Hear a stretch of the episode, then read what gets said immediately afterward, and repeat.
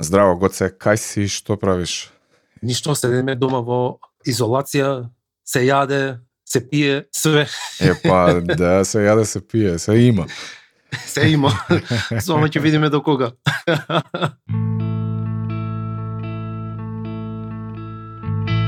Паралелно со епидемијата на коронавирусот, се шири една друга епидемија – епидемијата на стравот, паниката, погрешните информации, теориите на заговор, меѓусебната нетрпеливост и политичката поларизираност. Со цел подобро да се разбере однесувањето на луѓето за време на епидемии, Атанас Кириаковски и Гоце Симоновски го дискутираат неодамна објавениот препринт од поголема група на научници од обштествените и бихевиоралните науки од најдобрите универзитети во светот, во кој тие означуваат неколку битни аспекти на однесувањето, дискутираат и предлагаат идеи и даваат сугестии со цел да им помогнат на оние кои носат одлуки за справување со епидемијата и на оние кои што макотрпно работат на пронаоѓање третман и вакцина.